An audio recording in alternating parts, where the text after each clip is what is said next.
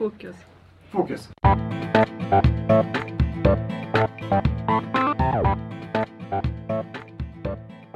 Hej och välkomna till Lärpodden, en podcast i samarbete med Barn, elevhälsa och skolutveckling, Mediatek Sundsvall och Sjönsbo skola. Vill du veta mer om programmen, gå in på pedagogsundsvall.se. Och skriver om oss i sociala medier, använd gärna hashtag lärpodden. Det här är sista avsnittet i Lärmiljös-serien. Och enligt mig kanske en av de absolut viktigaste, den eh, sociala lärmiljön. Utan den så, så når vi inte så långt i skolorna tycker jag. Delarna i lärmiljön hänger ihop med varandra. Absolut. Att, För mig, jag, för mig tycker jag att det här med social lärmiljö är en av de absolut svåraste sakerna att eh, lyckas med. Därför att det involverar så många andra individer. med oss idag har vi ett riktigt S. Maria Berglind, psykolog på BS. Välkommen. Tack så mycket. Kan du berätta lite grann vad, vad du gör som psykolog? Som psykolog på BS så jobbar jag mycket med att vara ute i skolor, träffa personal, sitter på IHT där man träffar rektorer, eh, specialpedagoger, läkare. Med. Ibland kommer det pedagoger in och det är väl då det blir som allra bäst, tänker jag, på Mm. IHT. Men det är IHT-arbete, sen är det utredningar och bedömningar av elever. Eh, handledning på gruppnivå, eh, föreläsningar. Det är ett ganska brett uppdrag, Mm. tänker jag. En, en psykolog i, i, i vår organisation jobbar inte med behandling av elever så. Nej, Nej, utan det är mer, mer handledande funktion mot pedagoger. ja. Men alltid målet är ju eleverna Ja, ändå, även fast det är han, ja, pedagogerna som man jobbar mot.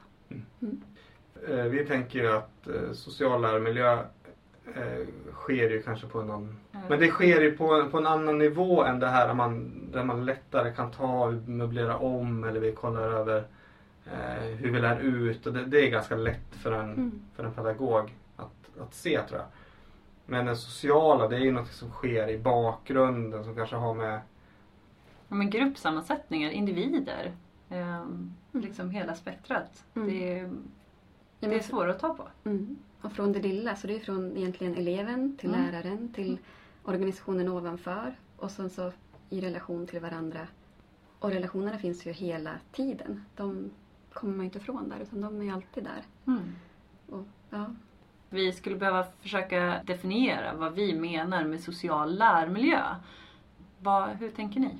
Eh, ja, men jag tänker att det, det här är min upplevelse, men jag tänker Mm. att det är egentligen de relationer och interaktioner som finns eh, mellan elever, mellan eh, elever och lärare, mellan eh, ja, andra, annan personal också såklart, men också fram och tillbaka, relationer och interaktioner.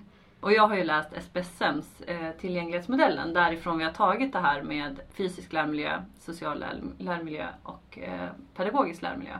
Eh, och där trycker de ju väldigt mycket på, på delaktighet och känslan av att man känner själv att man är delaktig. För oftast är det ju en väldigt stor skillnad mellan att någon annan säger att man är delaktig för att man faktiskt är fysiskt delaktig i rummet. Och känslan av att man faktiskt är delaktig i grupp Och där är det ju många lager i det också.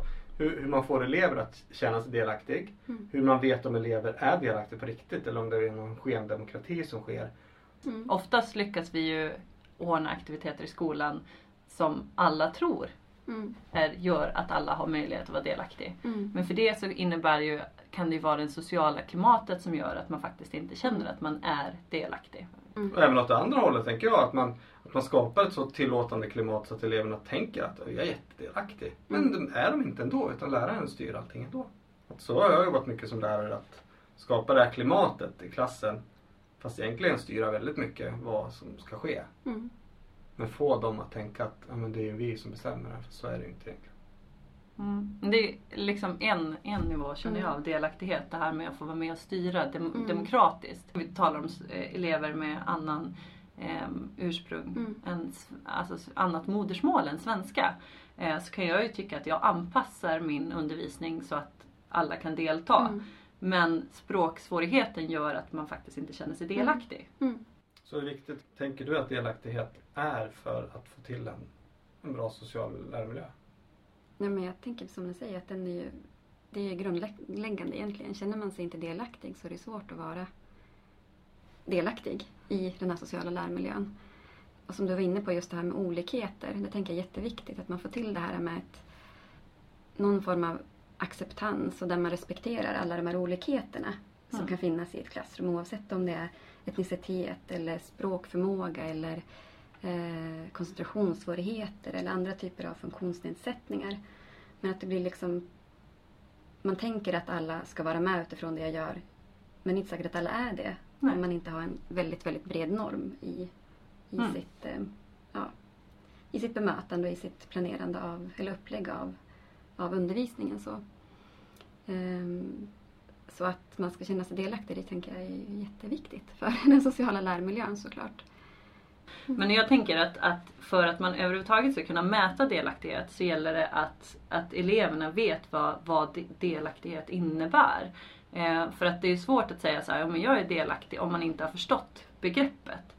För då kanske de tänker precis som jag tänkte innan jag började sätta mig in i delaktighet. Att delaktighet är att jag faktiskt är medräknad i aktiviteten eller i, jag är en del av en grupp. Eh, Men att förstå att, att känslan av att jag har, har förutsättningar att utvecklas och jag, jag är en självskriven del av gruppen. Och den känslan att man faktiskt känner själv att jag är delaktig. Eh, Att eleverna förstår det för att man överhuvudtaget ska kunna ställa frågan till dem. Och det tycker jag är ett, ett problem, att förklara den, den känslan. Sen är det ju frågan om, om delaktighet, en högre delaktighet skapar eh, mer välmående elever. Eller är det någonting som vi tar för givet? Jag tänker att mm, det har ju med relationer att göra och eh, relationer till lärare eller till sin omgivning de är ju A och O för ens psykiska hälsa eller sitt, sitt välmående. Så, vilket i sin tur har en väldigt stor påverkan på ja, om man ska uppnå kunskapsmålen till exempel. Så det är egentligen inte delaktigheten utan det är, det är relationen Mm. pedagog-elev som är nyckeln här. Mm. Men även relationen elev-elev. Ja. Alltså Ja. känslan i gruppen. Ja visst, självklart. För Jag tänker att om du, om du som, eh, som lärare bara toppstyr allting och inte gör eleverna delaktiga då får du inte en god social lärmiljö ändå. Hur man än gör. Nej men jag tänker också att, att det här med delaktighet, alltså om jag tänker tillbaka på de grupper jag har undervisat. De eleverna som jag har känt inte känner sig delaktig i gruppen kanske framförallt. Eh, de straffar ju ofta ut sig därför att de känner att de inte är en del av gruppen. Eh, och då straffar man ut sig genom att göra kanske eh, saker som inte är riktigt socialt accepterade för man är ändå inte medräknad. Mm. Och det kan ju oftast misstolkas i en grupp. Att den här eleven är stökig eller gör dumma saker. Men egentligen så är det, gör man dumma saker för att man har en känsla av att man inte tillhör. Och kanske för att man vill vara med Ja. i gruppen också. Absolut. Och Försöka. Mm. Eh, frågan är ju hur man, hur man vänder en känsla. För det här tycker jag är ett stort problem. Hur vänder man en grupp? Alltså vända sig själv. Allting som man ska förändra själv går ju bra. För det handlar ju bara om att jag behöver tänka om eller få handledning eller stöttning eller liknande. Men hur vänder man ett socialt klimat i en grupp till exempel? Eh, har du något eh, litet tips på hur, Gärna en hur man kan tänka? checklista. Checklista. Så här gör man. Ja exakt. Ehm, jag tänker att det ställer ganska höga krav. På ett sätt ställer det höga krav på de pedagoger som är ute i, i en klass om man Mm. då inte har fått till det här sociala klimatet som, som man vill ha eller som ska vara. Att det ska vara ett positivt klimat. Och jag tänker en del är att ta stöd i att det i grunden finns en, vad ska man säga, värderingar. Att det finns liksom en eh, organisation där det där man jobbar för det här. Att man har liksom värderingar och man har traditioner av att ha ett positivt klimat på skolan. Så att det underlättar ju för pedagoger att i sin tur jobba med det. Men sen, ja en checklista då. Hur gör vi för att få till? Vilka saker ska man, får man inte missa när man jobbar med social lärmiljö? Ja, ja man tänker att man ska, ja, man ska få till en bra relation mellan en lärare och en elev. Man eh, har positiva förväntningar. Det är en del man kan ha. Positiva förväntningar på sina elever att ja, men, det kommer gå bra. Att man ehm, har en symmetrisk relation. Lite så att man ser sig själv som vi är lika mycket värda. Mm. Sen är det kanske en ojämn makt, så ändå, fördelning i det, men att man ändå har en symmetrisk relation i grunden. Att man eh, har ett bemötande som är eh, accepterande och där man eh, jag tänker i det här med bemötande att man, att man har som utgångspunkt att det finns en tanke eller en känsla eller en, eh, bakom alla ageranden. Mm. Att man faktiskt försöker, är nyfiken på att ta reda på mm. varför blev det som det blev. Ja. Sen behöver man inte acceptera det som händer men att man försöker förstå och säga att men jag förstår att det blev så här men vi behöver hitta ett annat sätt. Kan man arbeta för att få till ett bra gruppklimat? Mm. Jag tänker att en viktig del är att låta barnen lära känna varandra och då lära känna varandra med de egenskaper som de faktiskt har. Just som du säger, man kan ha jättemånga olika bakgrunder, man kan ha olika svårigheter och styrkor. Så, det har ju alla människor. Mm. Så jag tänker mig att är det en väldigt dålig gruppdynamik så tänker jag att det inte finns så jättemycket respekt och acceptans för att man har alla de här olikheterna kanske i den gruppen. Mm. Men om man kan då jobba med att eh, lyfta upp alla egenskaper som finns i en, i en grupp eller en klass till exempel och se um, ja men den här personen är eh, väldigt eh, långsam, säger vi mm. som exempel. Okej. Okay. Eller bara prata om, ja men hur är man då då? Ja man är så här och så här och så här. Oftast då kan man ju lyfta upp um, fördelar och nackdelar med de här egenskaperna. För så brukar det vara med alla egenskaper man har. att I vissa situationer är de jättebra och i andra situationer är de inte, mm. inte så bra. Mm. Men så på något sätt försöka lyfta upp alla, att se det hos varandra, det tänker jag är en, ett svårt arbete men ett viktigt arbete att göra för att få till ett bra gruppklimat. Det är ju också ett sätt att lära känna sig själv och, och att lära känna hur man själv fungerar. Och det tror jag är en väldigt bra förutsättning för att sen eh, jobba med gruppklimat. Att lära känna sig själv, där kan man egentligen koppla på det här med lågaffektivt bemötande. Där kan ju det vara en hjälp. För det handlar ju om att eh, till exempel en elev som är i affekt, jättearg till exempel. Eh, där det handlar om att hjälpa eleven få kontroll över sina känslor. Och det är ju en del i det här att lära känna sig själv också då. Att hjälpa eleven ta hand om sina känslor som den, som den faktiskt har. Mm. Och eh, vi, jag vet på Skönsmån så har vi ju jobbat eh, och pratat ganska mycket om just det här med att, att eh, när man lågaffektivt, just det här att utgå ifrån mig som pedagog. Eh, hur oftast när en elev är i affekt så blir man själv också till viss del i affekt. Och att själv hinna lugna ner sig och komma ner för att kunna möta lågaffektivt. Man kommer ofta i läget där man vill vinna strider med elever. Eh, och ibland så, så tappar man, man liksom bort vart man är efter den här stridsvägen på något sätt. Eh, där striden blir syftet till slut. Det här tror jag är svårt för oss oss inom skolan att erkänna. Men jag tror vi många hamnar där. Men jag kan, känner ju igen mig bara själv hemma med mina barn. Mm. Att jag kan komma i läget så här, där jag säger nej på automatik för att jag är vuxen och ska bestämma. Fast egentligen så har jag inget syfte med min strid annat än att jag vill förklara för mina barn att det är jag som bestämmer. Man kan ställa sig själv frågan då, vad är, vad är syftet med att vinna den här striden egentligen? När man vinner en strid mot ett barn så handlar det oftast om en... Eller ja, många gånger om att ha makten. Det blir ju som en...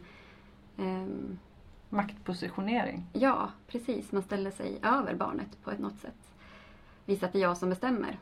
Eh, det är klart att det kan finnas strider man behöver ta mm. med barn. Absolut. Men eh, många strider så kan man faktiskt släppa på också. Men alltså att, att hålla syftet klart. Vad, när jag går in och funderar om jag ska ta den här striden eller inte så måste jag tänka vad är syftet med att jag ska göra det. Eh, och finns det en alternativ väg? Mm. Tänker jag. Eh, om, om till exempel saken är att jag vill få den här eleven att sluta spela fotboll inomhus. Kan jag lösa det på något annat sätt än att ta en direkt strid? Kan jag göra en avledande manöver eller kan jag göra någonting annat? Vad, vad vinner jag på att ta den här striden? Mm den här maktstriden. För, mm. för skadan kan ju alltså vara att jag skadar relationen med mm. eleven. Att den tappar respekten för mig för att jag mm. kör en styrkedemonstration. Mm. Och framförallt om jag gör den inför en hel klass. Mm. Så att den ska känna att hela gruppen får stå sig på mm. när den får sin maktposition bestämd av mig. Och då har du lågaffektiva bemötandet som en, en del. Och sen har du ju positiv förstärkning. Vi har ju de här som du pratade om. Det är olika metoder liksom. Mm. Där lågaffektivt bemötande, funkar det alltid då? Är det liksom, är, är det den nya grejen som, som är inne nu och så kör alla det eller är det liksom det bästa? Det, alla, det är jättemånga som tycker olika där, så Mm. är det ju. Det är ju många olika teoretiska skolor som ställer sig mot varandra. Men eh, om man tänker på hur affekter fungerar, lite så, då skulle jag säga att ja, det fungerar. Eh, om du har ett barn som sparkar fotboll inomhus och ehm, eh, får inte göra det. Någon säger nej, du får inte gå ut. Barnet blir arg, går upp i affekt. Eh, den vuxne blir också arg, går upp i affekt, skriker åt barnet. Jo men nu lyssnar du på mig, nu går du ut därifrån. Det blir liksom bara en affektsmitta. Mm. Man säger den ena barnets affekt påverkar den vuxnes och så vice versa. Fram och tillbaka. Eh, om man istället går fram till eleven och håller sig lugn, bemöter den som att man är jämlik med barnet. Eh, förklarar att Hörru du, ska vi hitta på någonting annat eller ska vi gå ut och göra det här? Man håller sig lugn, då smittar den affekten Ja. istället tillbaka till barnet. Så barnet håller sig lugn. Mm. Och så vice versa. Det är ju liksom själva grundtanken med det här med att affekter smittar så. Eh, Finns det lägen där, där man ska undvika ett lågaffektivt bemötande? Är det vissa typer av elever? Jag tänker särskola, eh, autism. eh, De barnen gynnas ju extra mycket av ett Ja. lågaffektivt bemötande, tänker jag. Blir vi av med konflikterna om vi använder ett lågaffektivt bemötande? Nej. Det kanske man inte blir. Sådär. Det är inte det som är syftet med det, utan syftet är att hjälpa barnet kunna kontrollera sig själv och kunna ta hand om sina känslor. Lågaffektivt bemötande är ju bara ett sätt att hantera känslor. Det är ju inte ett sätt att lösa problem. Nej. Utan det måste vi hitta, när, när barnet och du är lugnt så kan vi hitta en lösning på problemet. Då kommer den pedagogiska lärmiljön in. Ja, till exempel. Hur kan vi undanröja hinder så att Mm. det inte blir så här igen? Mm. Det här programmet är ju tyvärr alldeles för kort enligt min mening. Men eh, om ni känner att ni är, tycker att det här med social lärmiljö är intressant så finns det otroligt mycket bra material till exempel på UR Play, eh, SPSMs hemsida. Så att gå gärna in och kika lite extra på de sakerna om det är någonting som ni Mm. Och tycker ni någonting, något annat så kommentera gärna så att vi får en, får en diskussion kring det här. Nästa avsnitt så är vi på Mitt lärande.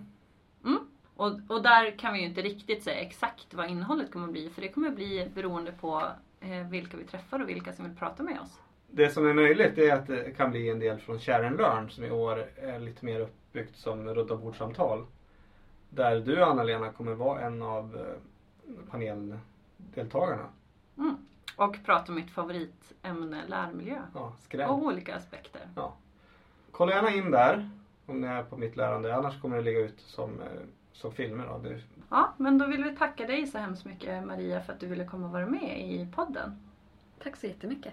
och vill ni veta mer om programmet då är det precis som vanligt. Gå in pedagogsundsvall.se snedstreck lärpodden. Och skriver ni om oss i sociala medier eller vill interagera med oss i sociala medier så använd gärna hashtag LARPodden.